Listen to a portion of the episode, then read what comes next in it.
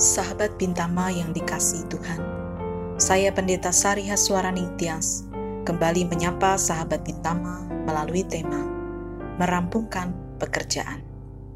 Firman Tuhan dari Esther 8 ayat 3 berkata, Kemudian Esther berkata lagi kepada Raja sambil sujud pada kakinya dan menangis memohon karunia-Nya, supaya dibatalkannya maksud jahat Haman orang agak itu, serta rancangan yang sudah dibuatnya terhadap orang Yahudi.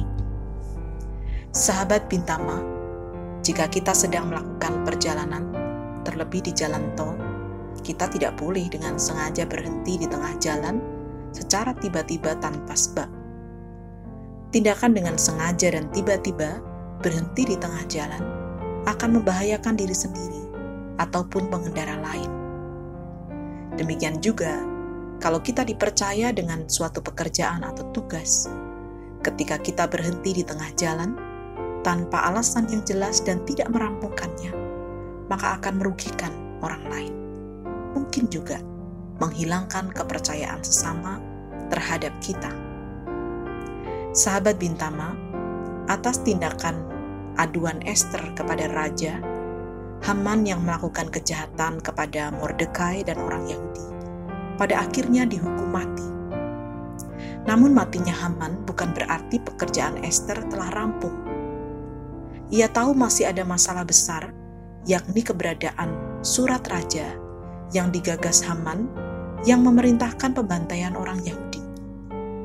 Jadi dalam hukum Persia, perintah yang sudah dimeteraikan oleh cincin raja tidak dapat ditarik kembali oleh siapa pun, termasuk raja sendiri. Satu-satunya cara untuk membatalkan titah pertama adalah mengeluarkan surat pembatalan yang dimeteraikan dengan cincin dan atas nama raja. Esther memohon kepada raja untuk bisa mengeluarkan surat pembatalan ini. Meskipun nampaknya mustahil atau sulit dilakukan, Esther merampungkan pekerjaannya sehingga ia menyelamatkan bangsa Yahudi dari ancaman pembantaian itu.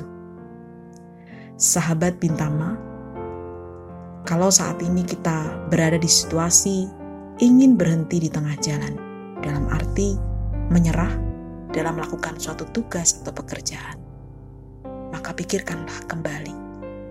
Ingatlah firman Tuhan hari ini, dan rampungkanlah apa yang menjadi tugas kita betapapun sulit dan beratnya.